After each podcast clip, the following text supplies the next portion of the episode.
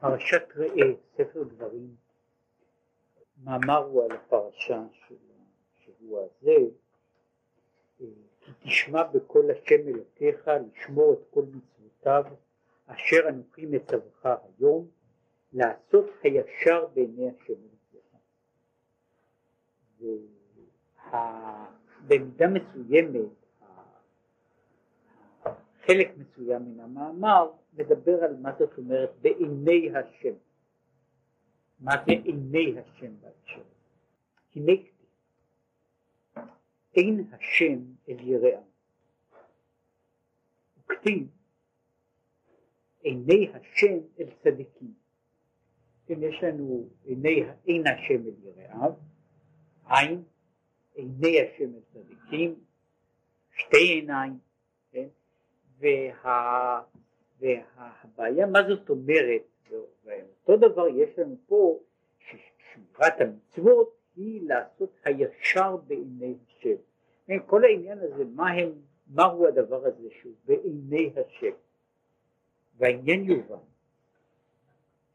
כי הנה התורה, אחד מהמאמרים בגמרא בסרט שבת, התורה נקראת מפתחות הפנימיות והיראה נקרא מפתחות החיצוניות. זאת אומרת, כביכול בן אדם, אם אנחנו עושים את התיאור, את המבנה הסמלי, אה, בן אדם נכנס חדר לפנים חדר עד שהוא מגיע אל הקדוש ברוך הוא, ויש בידו מפתחות. המפתחות הם אלה שהוא לוקח איתו. ומתוך הגמרא עולה שהתורה נקראת מפתחות הפנימיות, והיראה נקראת מפתחות החיצוניות. ואמרו, ובהקשר הזה מופיע הדבר הזה, שמי שיש לו תורה ואין לו יראת שמיים, הוא דומה, אדם, כל מי שיש בו תורה ואין בו יראת שמיים, דומה לגזבר שמסרו לידו מפתחות הפנימיות, מפתחות החיצוניות לא מסרו בידו, איך הוא ייכנס, כן, זאת אומרת, אז הוא לא, פה עולה שבן אדם שיש לו יראה ואין לו תורה, אז הוא לפחות נכנס שער אחד. מי שיש לו תורה ואין לו יראה לא יכול להיכנס כלל, כן? זאת אומרת, נכון שיש לו מפתח פנימי, שבו אפשר להיכנס פנימה יותר, אבל הוא, אה, הרי אין בידו המפתח להגיע אל המפתח הזה של אורי אורי. זהו, זהו המאמר בהיקף. מי נודע עניין המצוות, דרמח פיקודים אינון רמח איברים דמלכה, רמח מצוות, הם רמח האיברים של המלך. והכוונה היא, כמו שהוא מתאר, שהוא מסביר פה את העניין, מה זאת אומרת, מהו הדימוי הזה, האיברים של המלך העליון, שכמו שהאיברים ממשיכים החיות של הנפש, כך המצוות ממשיכות חיי עולם הבא לצדיקים, שיושבים ונהנים מזיו השכינה, שהנאתם ותענוגם על השם אור אין סוף שאין לו סוף. הם עושים את זה דרך המצוות, כן, הוא אומר, מבחינה זו אנחנו רואים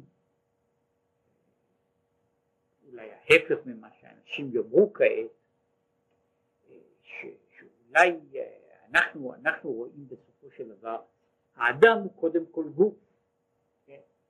לפעמים עושים את הסדר, קודם יש לו גוף, אחר כך יש לו בגדים, אחר כך יש לו, צריך עיון אם יש לו גם נשמה בפנים, כן? עכשיו הוא מדבר על העניין הזה ואומר ככה, יש קודם כל יש נשמה, הנשמה הזו צריכה ורוצה להביע את עצמה בתוך המציאות. ולשם כך יש לה איברים. זאת אומרת האיברים, האיברים של הגוף הם הכלים שבהם הנפש מביעה את עצמה. זאת אומרת האני האנושי יש לו איברים שהם הכלים שעל ידם הוא מגלה את עצמו מתייחס זה בעצם, אלה הם איברים. לכן הוא מגדיר את האיברים, זו הגדרה שבהיקף הגדול היא הגדרה אה, מאוד מאוד גם מופשטת והיא בנויה ביסודה על הגדרה פונקציונלית. מה התפקיד, מה עושה עבר בגוף? עבר בגוף הוא כלי בשביל האני לבטא את עצמו באיזושהי צורה, ויש, מכיוון שיש איברים שונים, והם מבטאים את עצמם, הם מבטאים את הרצויות של האני בצורות, בצורות שונות, זאת אומרת במובן הפשוט ביותר, אם אני רוצה ללכת, לנוע ממקום למקום, אז יש לי כלים שהם מניעים אותי, מעבירים אותי ממקום אחד למשנהו. אה, אם אני רוצה, אם אני רוצה להרים דבר מה, יש לי שוב כלים אחרים שהם משמשים לצורך הזה, וכיוצא בזה כלים יותר דקים, יותר רבים. עכשיו הוא אומר שבהיקף אחד הגוף הזה, האיברים הללו הם הכלים שבהם הקדוש ברוך הוא מתגלה אל העולמות. איך, איך כך הוא מתגלה אל עולמות? הוא מדבר פה על הצדיקים היושבים ונהנים מסביב השכינה, משום שאף על פי שהדבר הזה הוא נכון גם בתוך המציאות שלנו, אבל במציאות שלנו חיינו הם הרבה יותר מורכבים. משום שהאני, האני שלנו הוא אני מורכב של גוף נפש. וכל הרצון הטוב, אדם איננו חי מהמצוות. כן? אלא הוא צריך, פה ושם הוא צריך גם לחם. כן? ואף על פי שאמרו שלא על הלחם לבדו יחיה האדם, כן? אבל בלי הלחם לגמרי זה כנראה יותר קשה לחיות. זה מסבך מבחינה זו את, ה, את היחס של אני אל מול הקדוש ברוך הוא, ואף על פי שכנראה וזה גם הפסוק שמופיע פה לא על הפרשה הקודמת, כי לא על הלחם לבדו יחיה האדם, כי על כל מוצא פי השם יחיה האדם. ובמובן הזה הוא מגדיר, לא הלחם, לא הלחם כפי שאני רואה אותו, הוא חיי האדם, אלא מוצא פי השם שהוא החיים שבסופו של דבר מחיים גם את הלחם ונותנים לי את החיים. שכאן המערך הוא כל כך מסובך, גוף, נפש, נשמה, שהם, וכיצד הם מתייחסים אל הקדוש ברוך הוא, שמבחינה זו אנחנו לוקחים תמונה באמת יותר מופשטת. אנחנו מפשיטים מהאדם גם את תכריכיו וגם את גופו, כן? ומשאירים את הנפש לבדה. זה מה שאומר הצדיקים יוצאים, עכשיו מה הם עושים? נהנים מזיו השכינה.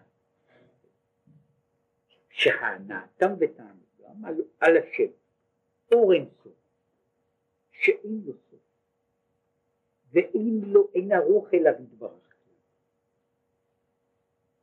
אין זה אלא זיו והערה בעלמא, להיות גילוי השגה בנשמות. שהן בבחינת נברא ומחודש יש מאין. כלומר, יש כאן הדגשה של הביטוי שהצדיקים יושבים ונהנים מזיו השכינה. צדיקים לא נהנים מן השכינה. כל שכן שהצדיקים לא נהנים מאור אינסוף. והטעם הוא ששום יצור בכל דרגה שתהיה איננו יכול להתקשר לאור אינסוף. באשר הוא אין סוף, ובאשר כל הנבראים ובכללם הוויות גבוהות ונעלות כמו נשמה, גם הם בחינת נברא, שהוא מחודש מאין ליש, ושהוא מוגבל מבחינת יכולתו, ואשר על כן, אשר על כן, הנשמה איננה יכולה, אין ארוך לה לגבי הקדוש ברוך ולכן היא איננה יכולה להגיע, להגיע אליו, אלא על ידי איזשהו תווך. ולכן הוא אומר הנשמה נהנית מזיו השכינה, לא מן השכינה בעצמה, לא מאור אלא מזיו השכינה שהוא כמו שהוא קורא לזה זה עניין של, של זיו והערה בעלמא שמזה הוא יכול, הוא יכול להיענות באותו מובן שאנחנו יכולים לומר שכל העולם כולו הוא חי בעצם, או ביסודו הגדול, הוא חי על מקור אחד. והמקור הזה הוא זיו החמה. בסופו של דבר, המקור הבסיסי של כל האנרגיה, של החיים, של כל מה שיש פה בעולם, הוא, הוא השמש. למעשה זהו המקור הראשי של האנרגיה, אלא שכמו ש, כמו שרואים, וזה לכן זה הדוגמה שאני לוקח, כאשר אדם מבעיר, נאמר נפט, או, אה, או משתמש בחשמל שנוצר בכוח, אה, במכשיר הידרואלקטרי, היחס של הדבר הזה אל השמש איננו מיידי, איננו ישיר. על פי כן, גם נפט, גם פחם וגם הנהר שזורם, הם כולם תולדות, האנרגיה שלהם היא בצורה זו או אחרת, היא תולדה מן האנרגיה של השמש. יש דברים שה, שהם מורכבים, מסובכים מבחינה של גלגולי האנרגיה. מכל מקום, אנחנו שואבים את כל, כל העוצמה שלנו משם. אבל יחד עם זה שכולנו חיים מן השמש, מוטב לנו לא להיות קרוב מדי אליה, כן? אין אנחנו יכולים לבלוע לאכול שמש במישרים, כן? לאכול אותה במישרים, וזה זה גדול מכדי שאנחנו נעמוד במחיצה אחת. זאת אנחנו לא, אין לנו כלים לזה, אין לנו כלים, ולכן כדי שאנחנו נוכל ליהנות מזיו החמה, אנחנו צריכים את כל המכשירים שבעולם. זאת כל מה שנמצא בעולם הם דברים שונים שבחלקם הם יכולים לקבל אנרגיה ישירה, בחלקם הם מקבלים אותה בשלב אחרי שלב, אחרי זה אנחנו יכולים ליהנות מאותם הדברים בכל מה שאנחנו נהנים בו. באותו הנברא, אפילו הנפש, איננה יכול, יכולה לקבל מאור אינסוף, אלא יכולה לקבל מזיו השכינה. והגורם להמשכה הזו הם המצוות.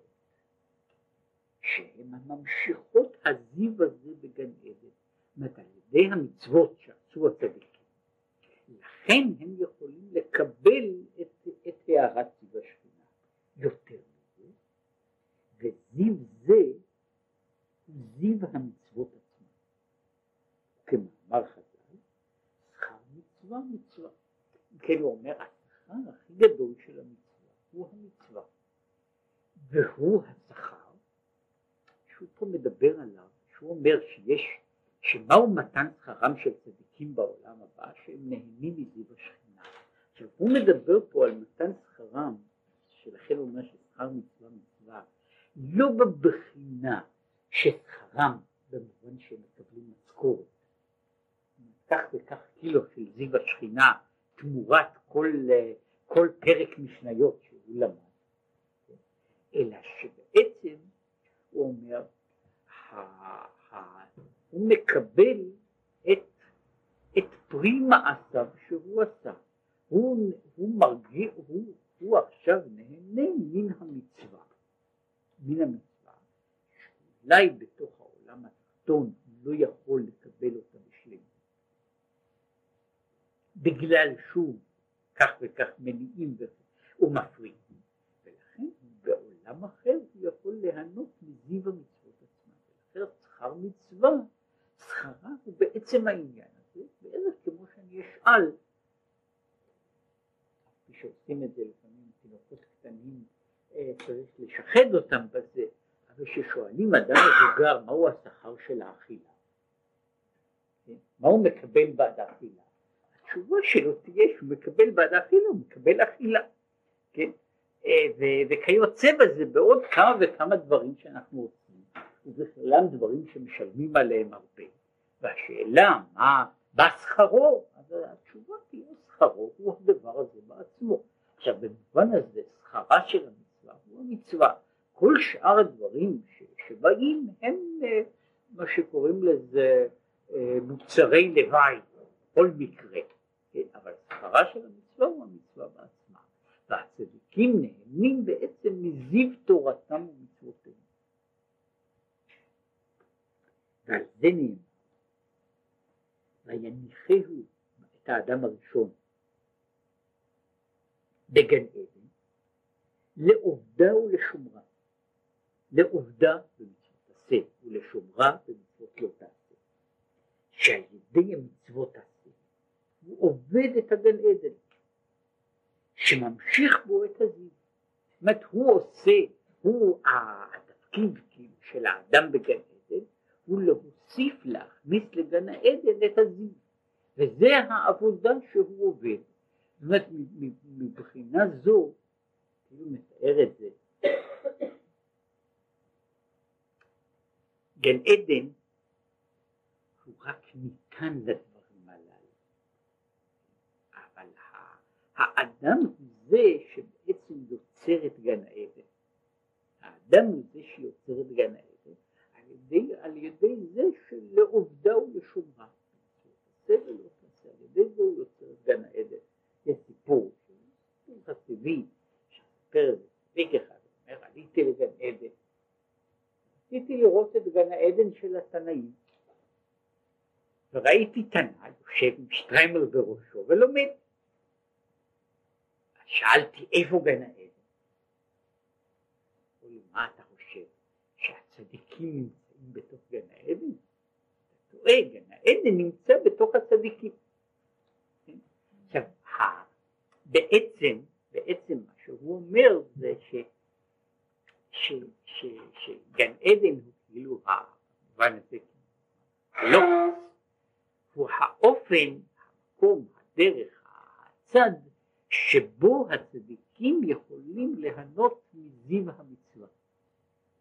משום שבתוך העולם הזה אנחנו איננו יכולים ליהנות מזיו המצווה ועל זה מדובר בהרבה אופנים ואחד מהם שהוא לא, לא עוסק בו במיוחד הוא שבסופו של דבר ניגע קצת בנקודה הזו, אה, בנקודה הזו. אנחנו יכולים ליהנות בעצם רק מזיו השכינה, אבל לא, ובבחינה זו גם מזיו המצווה, אבל לא מן המצווה בעצמה. עכשיו מדוע? לא, הטעם הוא שהמצווה עצמה היא כל כך מעבר לנו, כל כך מעבר לנו, שאין אנחנו יכולים להשיג אותה או לקבל אותה בשלמות, אלא אנחנו גם לגבי המצווה, אנחנו, אנחנו נהנים מן הזיו שלה ולא ממנה בעצמה.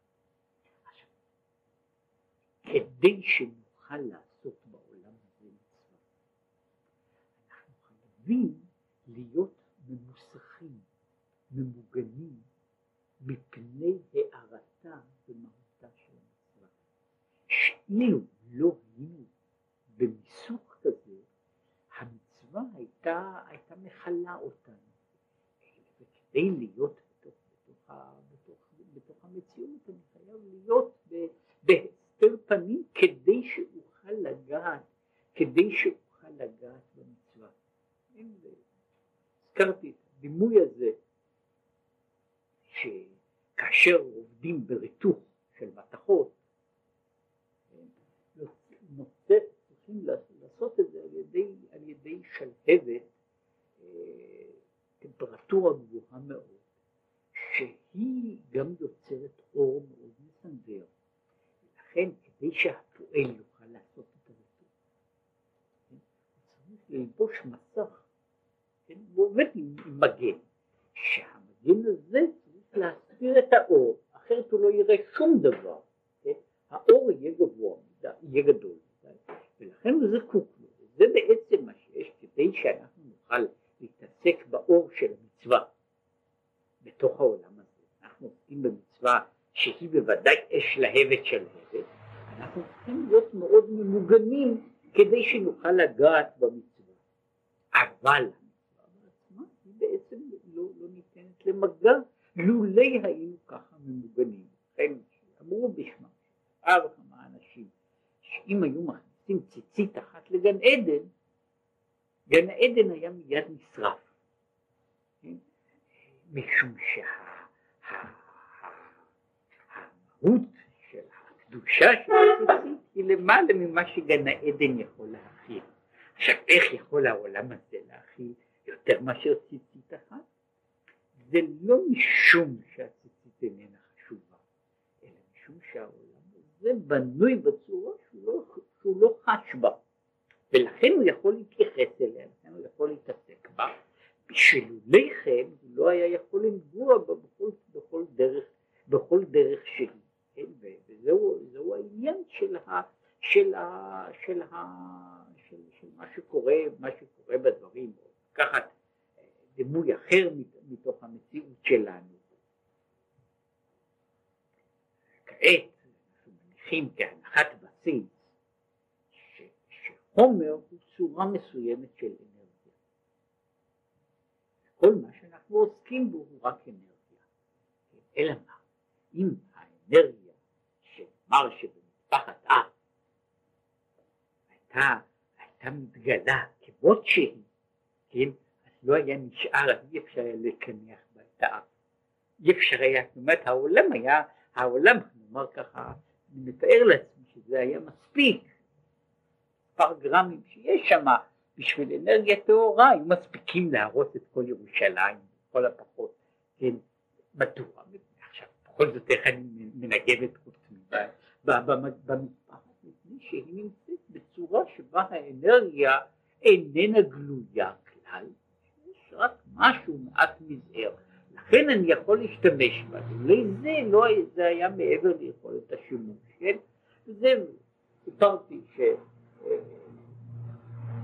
סיפרו את זה בעל חידושי הרים, הוא היה כל אשר, אשר היה, כבר בזמנו, סיפור של הרבה שנים, כן, הוא, היו כבר הרבה מאוד אה, מתבוללים בעירו, אבל אה, כלפיו היה דרך ארץ גדול. ויום אחד הוא עובר, הוא עבר, הלך בדרך, עבר מישהו מאלה, לקח אותו למרכבה שהוא, שהוא ישב בה, כן? וכשהם יושבים, מה, מה, מה ידברו? הוא אומר, תראה יש לי בעיה, יש לי קושייה. אומר, כתוב, כתוב בתורה, פרשת שמע, שמי שעובר עבירה כך וכך יהיה לו, מי שעושה מצווה כך וכך יהיה לו. תראה, אני, אני עובר כל עבירות שבעולם, לא מקיים שום מצווה, ותראה איך אני יושב שם במרכבה מפוארת ויש לי כל טוב. רבי אומר מי שאתה מצטט את הדברים, אני מבין מזה שאתה אמרת פעם קריאת שמע. שמע בוודאי כשהייתי ילד. לא, תדע לך שכל מה שיש לך בעולם הזה הוא לא מספיק לשלם אפילו שבריר של השכר שמגיע לך בעד אותה קריאת שמע. עכשיו את החשבונות שלך יעשו איתך לחוד, כן? אבל מבחינה של הפרופורציות, כן? אז אתה המצווה הזו, המצווה הזו שעשית יכולה להספיק לך ולבניך אחריך עד סוף הדורות כדי לפרנס אותם בכל טוב.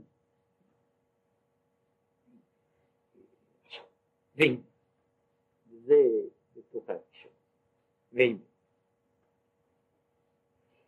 לפי שיפה שעה אחת בתשובה ומעשים טובים בעולם הזה, יותר מכל חיי עולמו. אי לזאת, כל שחומר שצריך להמשיך המשכת הזיו לעבודתו בעולם הזה, עכשיו מה גם שהעולם הזה הוא דומה לפרוזדור בפני עולם הבא, שדומה לפרקליט. התקן עצמך בפרוזדור וכו'. אלא שבעולם הזה אינו בבחינת נהנה מהשגה ותענוג נפלא בעולם הבא. כלומר, אמת היא שכפי שהוא אומר, מה שיש, ששעה אחת בעולם הזה, זאת שעה אחת בתשובה ומעשים טובים, היא שקולה כנגד כל חיי העולם הבא. זאת מה שאמרתי על ההבדל הזה, אותו סיפור על הציצית, מה שבן אדם עושה בשעה אחת בעולם הזה, הוא שקול בעצם מבחינת הערך שלו כל חיי העולם הבא, ולא חשוב באיזה היקף ובאיזה גודל ובאיזה מספר של שנים, אינם יכולים לכסות את מה ששווה הערך של שעה אחת בעולם הזה בתשובה ומעשים. אלא, זה אנחנו איננו נהנים מההשגה והתענוג שבאים מכוח המצווה. ולכן יש לנו, אנחנו עושים מצווה, ואנחנו איננו נהנים מן המצווה הזאת. נבחר מצווה בהי עלמא לקה, רק בבחינת באמונתו יחיה, צדיק יחיה, ממש, כמו שנתבאר במקום אחר. כלומר, החיים של הצדיק בעולם הזה אינם מכוח ההתגלות. כאילו הייתה התגלות כזאת, כאילו הייתה התגלות כזאת, העולם שוב, האדם לא יכול לעבוד בה, אלא הוא רק חי מדבר שהוא בעצם הסתר פנים של רק מכוח האמונה, שהיא הגילוי העמום של, ה, של הדבר שישנו. זה בבחינה כמו שיש נאמר אור מאחורי ההרים. את האור אינני רואה, אבל אני רואה איזה מצנות, איזה, איזה הבהק שאומר לי שבצד השני של ההר יש אור. זה מה שזה, זה ההגדרה הזו של הצדיק שהוא חי מכוח זה שהוא חש מה יש בצד השני של המציאות.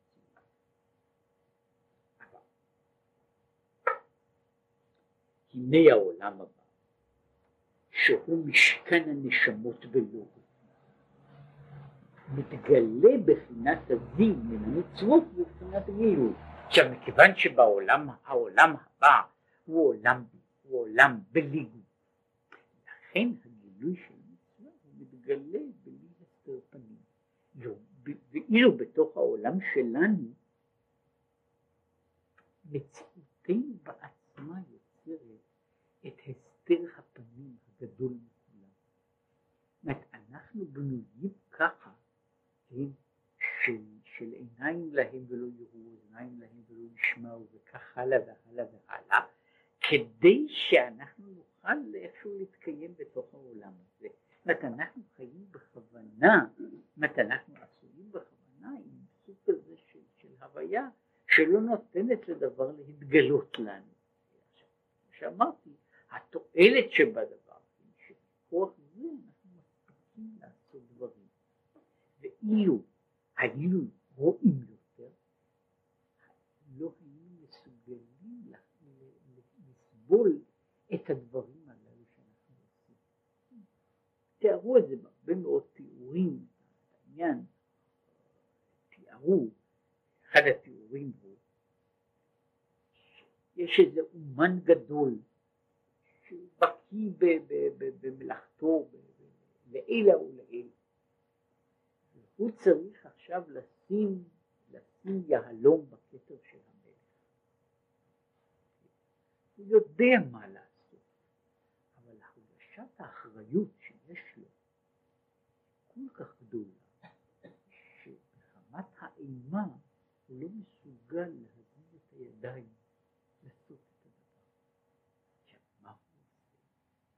קורא לאיזשהו היה ואומר לו מה לעשות.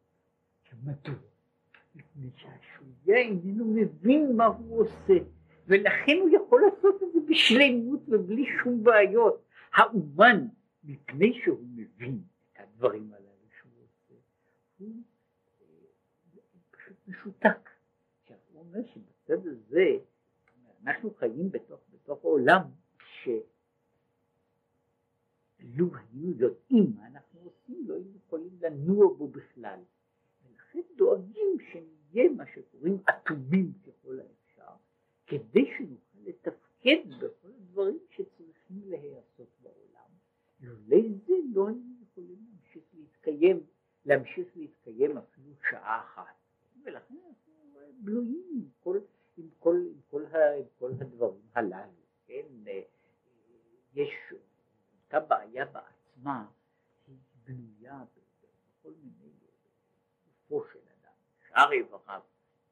הם בנויים על זה שהעצבים שלנו, בסופו של דבר מכוסים וחבודים. כן, אנחנו איננו מוציאים את קצות העצבים. משום שאם היינו עושים את זה, אנחנו היינו יכולים לתפקד בעולם. ושקורה לבן אדם שמתגלה איזה קצה של עצב אצלו, אז הוא יודע שזה לא, לא תענוג כלל ועיקר לחיות בתוך עולם כזה. כן? ולכן, לכן המציאות הזאת היא עטופה כדי נרגיש את זה. נשמה שאיננה עטופה, יכולה לחוש בזיו השם. אבל בעולם הזה, שהנשמה מתלבשת בזה, והגוף מסתיר את כל הדברים הללו, בעצם מהותם. לכן הוא אומר, צריך להשית עצות בנפשו, להיות המשכה זו בגילוי הנפש. וכאן, כאשר אני נמצא כאילו בתוך כל הכיסוי הזה, אני צריך למצוא דרכים כדי כדי להגיע ולראות מה, מה לראות משהו מן הדברים האלה. זאת אומרת, אני נמצא כאילו בצורה, מפני שאני כל כך מפוסה ומוגן, אני גם אינני יכול לראות שום דבר. למצוא אמצעי שלם וגמור כדי שאני אוכל להציץ החוצה ולראות מה קורה שם. וזה עשוי כדי שאני אוכל להיות מוגן. לא, אותה בעיה שיש לומר לאדם שנמצא נאמר, דוגמה, דוגמה יחסית פציפיסטית, מה קורה לו לאדם שהוא נמצא בתוך צוללת? הוא נמצא באותה, בעיה. כדי שהוא יוכל להיות בעומק של, של, של 300 מטר, כל שכן יותר מזה, מתחת למים, הוא צריך להיות עטוף בלבוש כזה שיוכל לעמוד בפני כל הלחץ הזה. ולכן הוא נמצא לו, נמצא לו, ועושים לו את הלבושים הללו, שהם יחזיקו. אבל אז באה הבעיה החדשה, שהיא הבעיה שיש בכל, בכל המכשירים הללו, שהיא הבעיה, כיוון שהוא סגור כל כך טוב, איך הוא יוכל לראות מה קורה בחוץ? ולשם כך הוא צריך את לפתח דרכים רבות ושונות כדי לראות מה קורה בחוץ. בזמן שכל הדברים הללו, יש, יש, יש מקום, כלומר הצוללות משתמשות בשורה ארוכה ומסובכת של, של אמצעים, אמצעי חישה. חלק מהם בנויים על זה שאנשים בתוך הצוללת אינם רואים שום דבר. כן, שהם לא יכולים להשתמש בזה, בעומק המים הוא לא יכול להשתמש בפריסקופ שלו, ולכן צריך להשתמש למצוא כלים כדי לחוש מה קורה מסביבו. כאן הוא נמצא באותה דילמה, הוא נכון שהוא ממוגן, אבל הוא גם, הוא גם איבד את כל החושים שלו.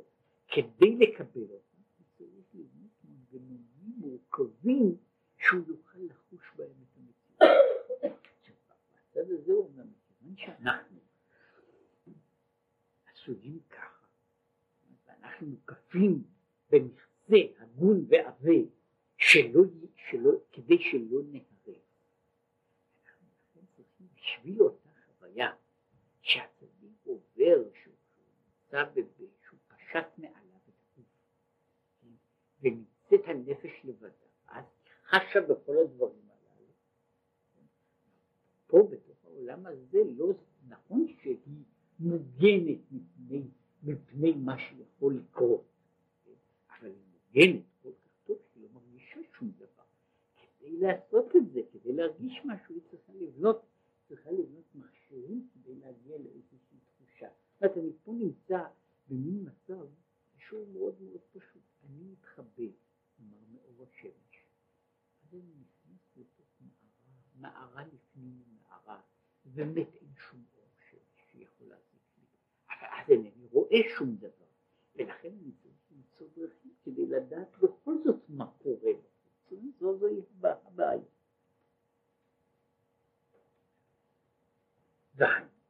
איך מגיעים לזה?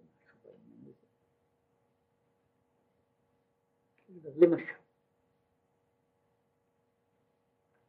היינו על ידי שיתבונן איך שהוא יתברך ממלא כל העולם. הוא מתבונן עכשיו שממלא את כל העולמות. אתה עשית את השמיים ושמי השמיים וכך הלאה. יוצר משרתים ואשר משרתיו כולם עומדים ביראה ומשמיעים בקול. האופנים וחיות הקודש ברעש גדול. עכשיו כל אלה הם אופנים כדי להגיע לאיזושהי תחושה. זה תיפול על האדם גם כן אימה ויראה. שהוא רואה את כל הדברים האלה, שצבא השמיים לך משתחווים, שמשרתיו משרתיו שהם מלאכיו עושי רצונו, הם כולם עומדים ככה באימה וביראה.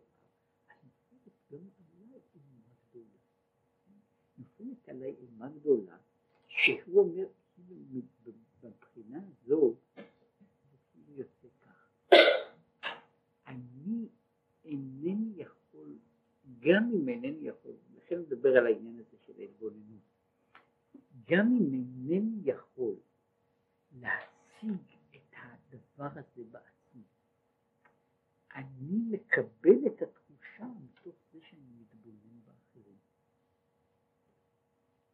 ואני נשען על אחרים כדי לקבל משהו מן התחושה הזאת. כן? שוב, לקחת דוגמה, דוגמה מאוד מאוד, זאת אומרת, דוגמה מצויה. לפעמים קורה שיש מצב של סכנה גדולה, ונמצא ילד קטן, ואין לו שבט של מושג ממה שקורה. מפני שאין לו השגה להשיג את האימה שיש בסיטואציה. אבל איך הוא מגיע למשהו בזה? כשהוא רואה, כשהוא רואה את האנשים סביבו, חשים באימה, אף על פי שהוא בעצמו איננו מבין את הסיבה, הוא גם כן מתמלא בפחד, למרות שהוא איננו מבין את זה, יש דברים כאלה לרוב הרבה מאוד שאפשר לראות מה קורה, מה, כיצד תחושה מתפשטת לא על ידי זה שמי שמשיג, אלא על ידי זה שמישהו, שמישהו אחר שאני חושב שהוא משיג, הוא בעצמו מפחד. זאת אומרת, תחושת האימה שהיא נכונה לגבי תחושת אימה כזו, יכולה להיות, יכולה להיות לאו דווקא אצל ילדים קטנים.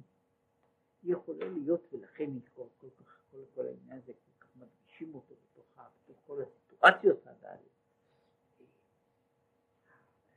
אחד התפקידים של, של, של כל מפקד הוא להראות שאיננו מפחד. מדוע? שיכול להיות שהחיילים אין להם שמץ של מושג להעריך את הסיטואציה. הם יכולים להיות שמבחינתם הסובייקטיבית הוא יושב עכשיו במקום נוח מאוד. כן? עכשיו עומד מישהו והוא רואה את התמונה והוא רואה ש, שאין מוצא וש, ש, שכל המלחמה אבודה או כל הקרב הזה אבוד, אין אין מה לצאת מזה. עכשיו הוא מעביר את האימה, אם הוא עומד ורועד, הוא מעביר את האימה לאחרים שאינם יודעים את מהותה, אבל זה מספיק שהם רואים אותו מפחד. עכשיו הוא אומר שבמובן הזה, מה שאנחנו מקבלים בהרגשה הוא לפעמים הרגשה, הרגשת, אה, אה, הרגשת, לא הרגשת דמה, אלא הרגשת חיקוי, אה, מה שקוראים, באנגלית vicarious. זאת אומרת, הרגשה לא ראשונית, אלא הרגשה שבאה מכוח רוחם של אחרים. אני רואה איך אחרים מתרגשים, ואני בעצמי מתרגש והולך, וכיוצא בזה אגב קורה גם במאורעות אחרים, כן? זאת אומרת שיש, איזה עניין, עניין מסבך, ואני אינני מבין. אני אינני מבין מה שקוראים לזה לשמחה, מה זה עושה. לפעמים מפני שאין דעתי מה משיגה את זה. אבל כשאני רואה מסביבי שאנשים שאני חושב שהם כן מבינים, הם כולם נמצאים בשמחה, אז גם אני מרגיש אותו, אותה הרגשה. עכשיו הוא אומר שבשביל זה, הסיפור הזה על האופנים בחיות הקודש, הוא כדי, לא מפני שהאופנים בחיות הקודש הם חשובים לעצמם. הם לא חשובים לנו לעצמם. רואים את זה, אני לכן משום כך אני לא מתרגש, שאני יודע שהם מרגישים. עכשיו הם מבינים למה, מה שקוראים לזה, למה הם, הם משמיעים בקול רעש גדול. כן, אני אינני יודע את הרעש הגדול, אבל גם אני צועק, כמו שקורה בכל מקום הגון, שבו קורים דברים כאלה, כן, שאנשים, זו, זו אותה, לכן הוא אומר שכל התיאור הזה שמופיע ההתבוננות שלפני קריאת שמע היא בעצם ההתבוננות של בעולם לקבל מתוכו את החוויות הללו שהוא איננו יכול להשיג מכוח חוויה עצמית.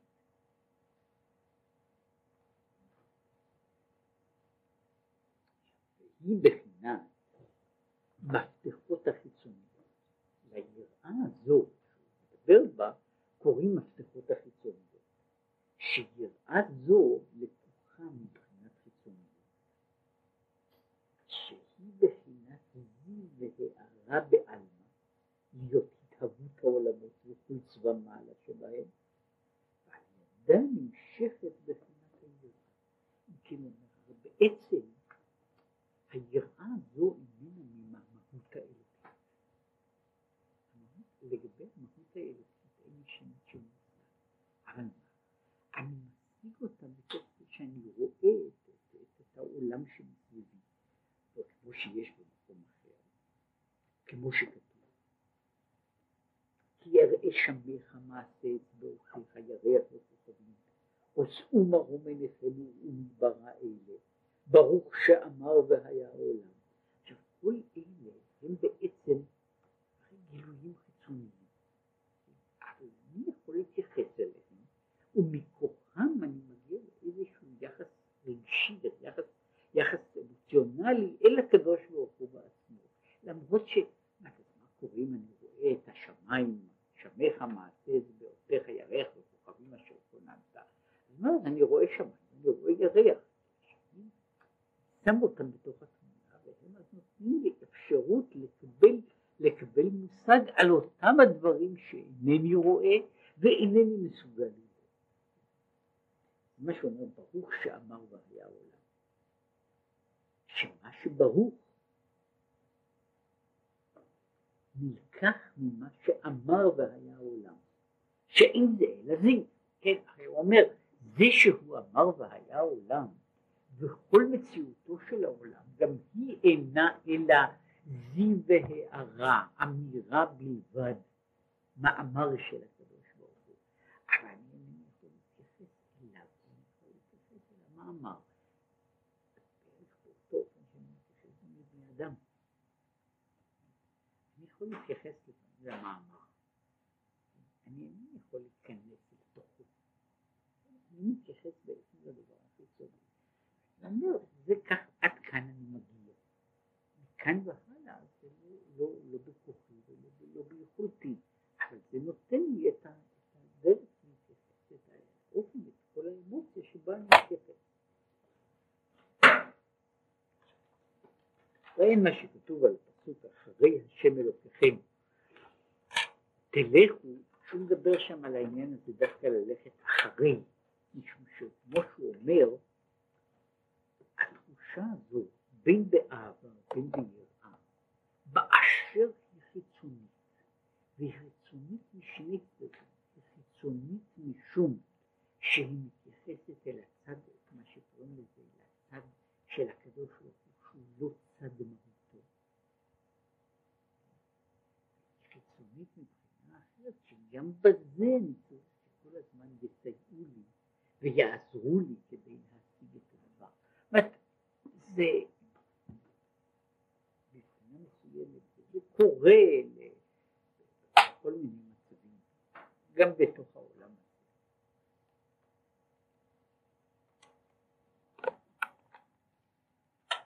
אני יודע שמישהו הוא אדם גדול. כיצד אני יודע? מפני שהוא עושה, עושה, אומר, יוצר דברים שהם דברים, דברים חשובים. עכשיו לפעמים, יש, יש מבחינה זו באמת הבדלים בין הבריות. יש אנשים שכל מה שרואים את יצירתם, בסך הכל אני רואה רק מה שהוא קורא לזה נובלות. אני רואה דבר. שומע דבר, ואני מאוד מאוד מתפעל. בסופו של דבר אני מתפעל ממשהו שהוא לא רק לא, לא מהותי אפילו ליצירה בעצמה, אני מתפעל מאיזושהי תופעת לוואי בלתי חשובה לגמרי ש, ש, שמישהו, שמישהו עשה, והיא יכולה להיות, תופעת הלוואי הזו יכולה להעסיק אותי במשך שעות או שנים, ואינני מתייחס בכלל לדבר, לדבר בעצמו. לפעמים כל, כל מהלך ההתייחסות הוא כל כולו מגיע לדבר שהוא חיצוני ושולי וטפל לגמרי, וטפל לגמרי, ואף על פי כן הוא נעשה, אה, הוא נעשה העיקר בתוך בנייה של התייחסות, בתוך בנייה של התייחסות. לפעמים זה מרגיז, לפעמים זהו דבר, זה, זה דבר לגמרי, זה, זה דבר שהוא על כל פנים האופן, אופן מסוים של, של התייחסות, כן? אבל, אבל זה לא, את, נתאר לעצמנו שמישהו יכתוב ספר בפילוסופיה.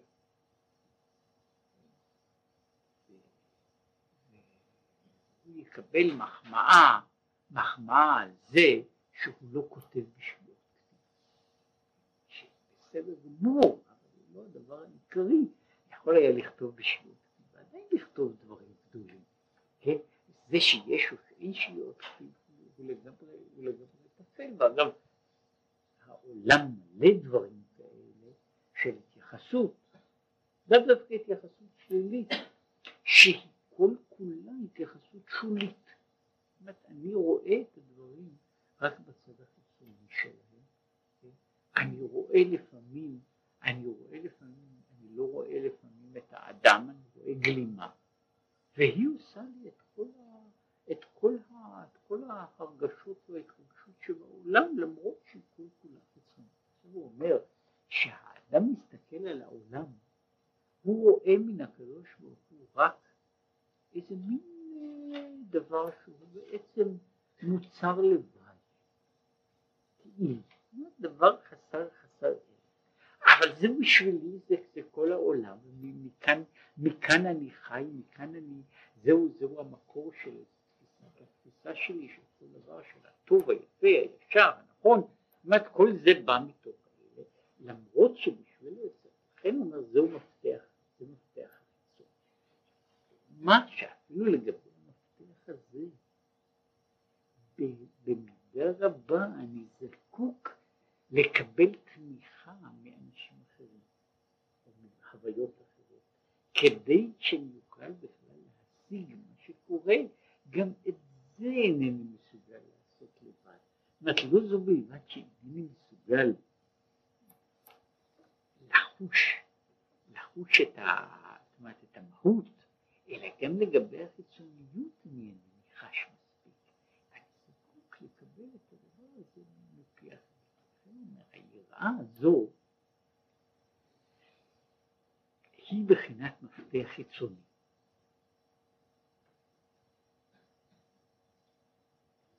העיקר הוא מפתחות הפנימיות. בחינת המפתח לפתוח בגילוי בחינת עכשיו צריך להגיע מן המפתח החיצוני אל המפתח הפנימי. היכן נמצאים הדברים דברים שהם הטוב.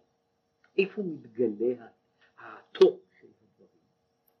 דהיינו, גילוי אור אינסופו הוא ממש, שאינו בגדר עלמין כלל. כמו שאומרים, אתה הוא השם לבדיך, לבדך ממש. כשהוא אומר אתה הוא השם לבדיך, אז הוא אומר לא אתה השם לבדיך בשמיים, אלא אתה השם לבדיך. זאת אומרת, אתה בעצם נשארת תמיד לבד. לבד, המשמעות הזאת, כמו קודם שנברא העולם, שהיה הוא לבדו יתברך, ואני הוויה לא שניתי. ומעשה ידיו אינם משנים את מהותו. וחיינו משום בכל הקמי כלה וכעין ממש חשיבה. זאת כל מה שהוא עושה הוא לא נחשב, הוא לא נחשב כאיזשהו דבר. ולכן, ולכן משום כך, אני, הוא נשאר בעצם לבדו. זה שיש מציאות מסביבו היא כל כך לא נחשבת, שהיא אין לה ערך בכלל. זאת אומרת, בכל עניין אפקטיבי, כן, אתה השם לבדיך. כדי להשיג את העניין הזה, זו, הנקודה, שהמפתח הפנימי הוא שהוא מנסה להתייחס לא אל, הבורא ואל הבריאה, אל מה שנמצא מעבר לבריאה. של, למהות הזו שאתה עד שלא נברא העולם ואתה הוא מי שנברא העולם משום שלגביך אין הבדל אם יש עולם או אין עולם. זה בערך דימוי בלבד. אני הולך באיזה מקום ואני משאיר אחריי עקבות עכשיו מה ההבדל בתוכי בין המקום שהשארתי בו עקבות למקום שלא השארתי עכשיו אני יכול עכשיו בסופו של דבר אני מתייחס אל כל המציאות רק אל העקבות, לא אל המהות. ברגע שאני יודע שיש מהות שהיא מעבר לזה, שהיא מעבר לאותם הדברים, השעה אני מגיע לאיזושהי התייחסות אל המפתח הפנימי. אומר כי הנה ביה שם צור עולמי אמרו על בשתי האותיות הללו של השם, שם לעצמו, י' וה', בי' נברא העולם הבא, וה' נברא העולם הזה. עכשיו, למה הוא מדבר על זה? שכמו שתי אותיות, אותיות הי' וה', שבמחשבתו של אדם, שבתהיות לגבי כללית מחשבתו ובכל שכן לגבי מהותו ועצמותו. יש שתי אותיות, י' וה'. עכשיו, מה הערך של שתי אותיות לעומת כל האותיות שיש? מה הערך של האותיות שיש כלפי מה שיש כלפי במהות? כל שכן לגבי ויותר כן ויותר מכן בתהילות כל בחינות העולם הזה והעולם הבא לגבי אור אינסוף ברוך בכבודו ובעצמו, ואם עולות בשם עולמות כלל, שהם כאין ואפס ממש, והיה כלא היה. יש את האוזן על דרך משל. כתב בכתבי הזו שהוא כדמיון טיפה אחת בים אוקיינוס. זאת אומרת, האמת היא שכל מה שאנחנו רואים הוא לא כטיפה בים מדוע? מפני שטיפה מים אוקיינוס, כמו שאומר במקום אחר, זו יש פרופורציה אל ים אוקיינוס. ים אוקיינוס מורכב בסופו של דבר מכך וכך טיפות. זה נכון שאינני יכול לשער, ואין לי מושג על הטיפות שבים. בסופו של דבר ים הוא טיפה ועוד טיפה ועוד טיפה ועוד טיפה. ואחר אומר, זהו משל שעשוי רק לשכך את האוזן.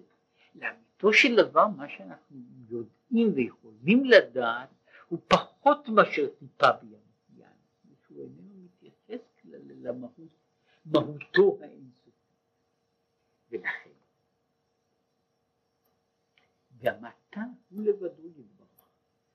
לכן כשם שלפני שנברא העולם היה הוא לבדו הוא, גם אחרי שנברא העולם, מבחינה מעשית, אז הוא לבדו הוא, ומציאותו של העולם היא איננה חשובה ואיננה נחשבת בתוך, בתוך, בתוך הדברים הללו. זאת אומרת, שאני, פה אין, רק כדי לומר את זה, פה הוא לא מדבר על העולם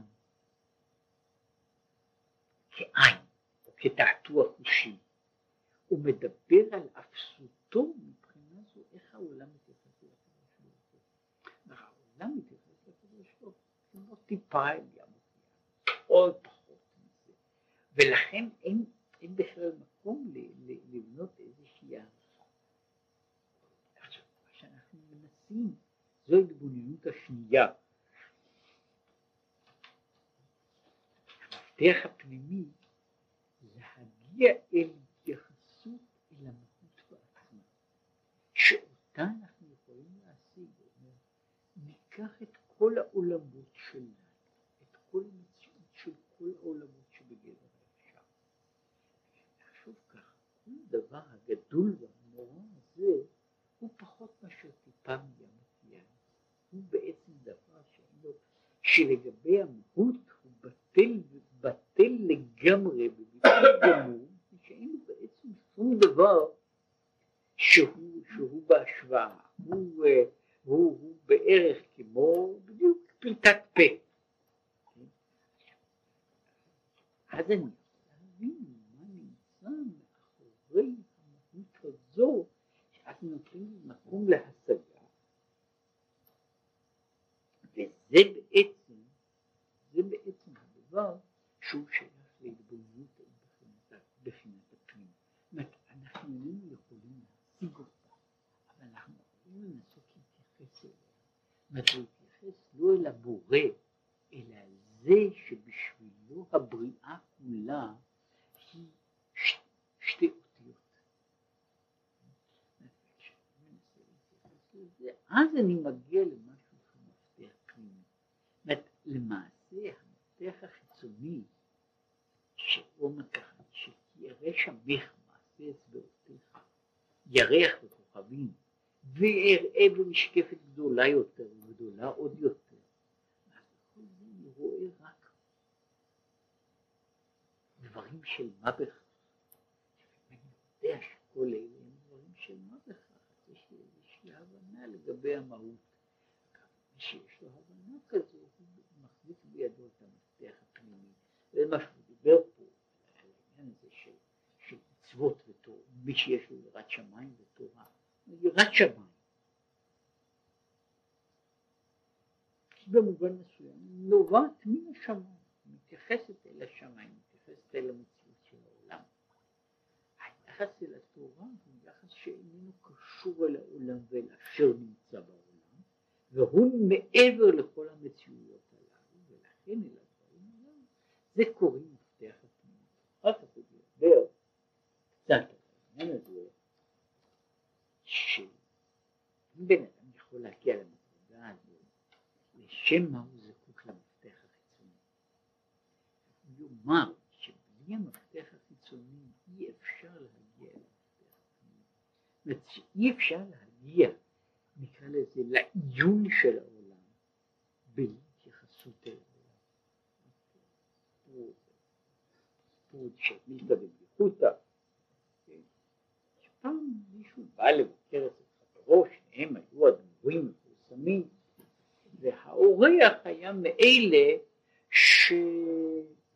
שהיה, שהיה מהמסתגפים, שבקושי, בקושי טעם משהו, בקושי נהנה מאיזשהו דבר בעולם הזה.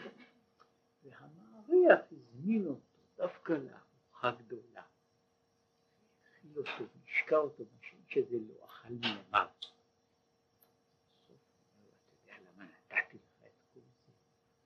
עתיד לבוא, שאתה תגיע לגן עדן, ויהיו לך שם את כל תענוגות עולם הבא. יכול להיות שאז יעלה בדעתך, יכול להיות שלפי פיש בעולם הזה, היה שיקול כנגד זה. אז אומרת, נתתי לך את הגפילטה פיש שתוכל לדעת את ההבדל. עכשיו, עכשיו יש, יש, יש צד מסוים שבו, שבו הוא אומר המפתח החיצוני הוא חיוני כדי. כדי להגיע לתפיסה של עיון אני צריך איזושהי נקודה של יש. אחרי שאני מגיע למפתח החיצוני שבבחינה שתראה שמך אני יכול לומר עכשיו כל זה הוא לא חשוב. מה שהרמב"ם רואה כמעט כנקודת שיא, כן, שהאדם, הוא אומר שהוא כותב על אסטרונומיה, בלי ספק מאוד מאלה שהתפעלו מדברים הללו, הוא מדבר בתחילת משנה תורה, על העולם, על, על הכוכבים, על כל המבנה של הקוסמוס, כשאדם מתבונן בכל הדברים האלה, ושהוא יראה שהוא בריאה קטנה, אפלה, לפני יוצר כל העולמות, מיד תיפול עליו אימה. זה מה שהוא קורא פה, המפתח החיצון. יש, הפנימי הוא שאחרי שהוא רואה את כל הדברים הללו ונופלת עליו הוא יודע שכל הדברים הללו הם בעצם עין ואפס. הם עין ואפס לא מבחינת עצמם, אלא כלפי המהות האלוקית. אז מתחילה ליפול יראה. כן? אז מתחילה ליפול עליו יראה, מפני שבשלב הראשון היה בעצם שלב שהוא היה עדיין לפי, לפי שיעור הקומה שלי. עכשיו, בתוך שיעור קומה אחר אני צריך להגיע לה, אני צריך הכנה גדולה כדי להשיג, את הדברים הללו. זאת יש, יש אותה בעיה, יש אותה בעיה. אומרים שיש עדיין מקומות כאלה, מי יודע איפה בעולם, אמרו שהיו שבטים שידעו לספור רק, שלושה מספרים, אחד, שתיים והרבה.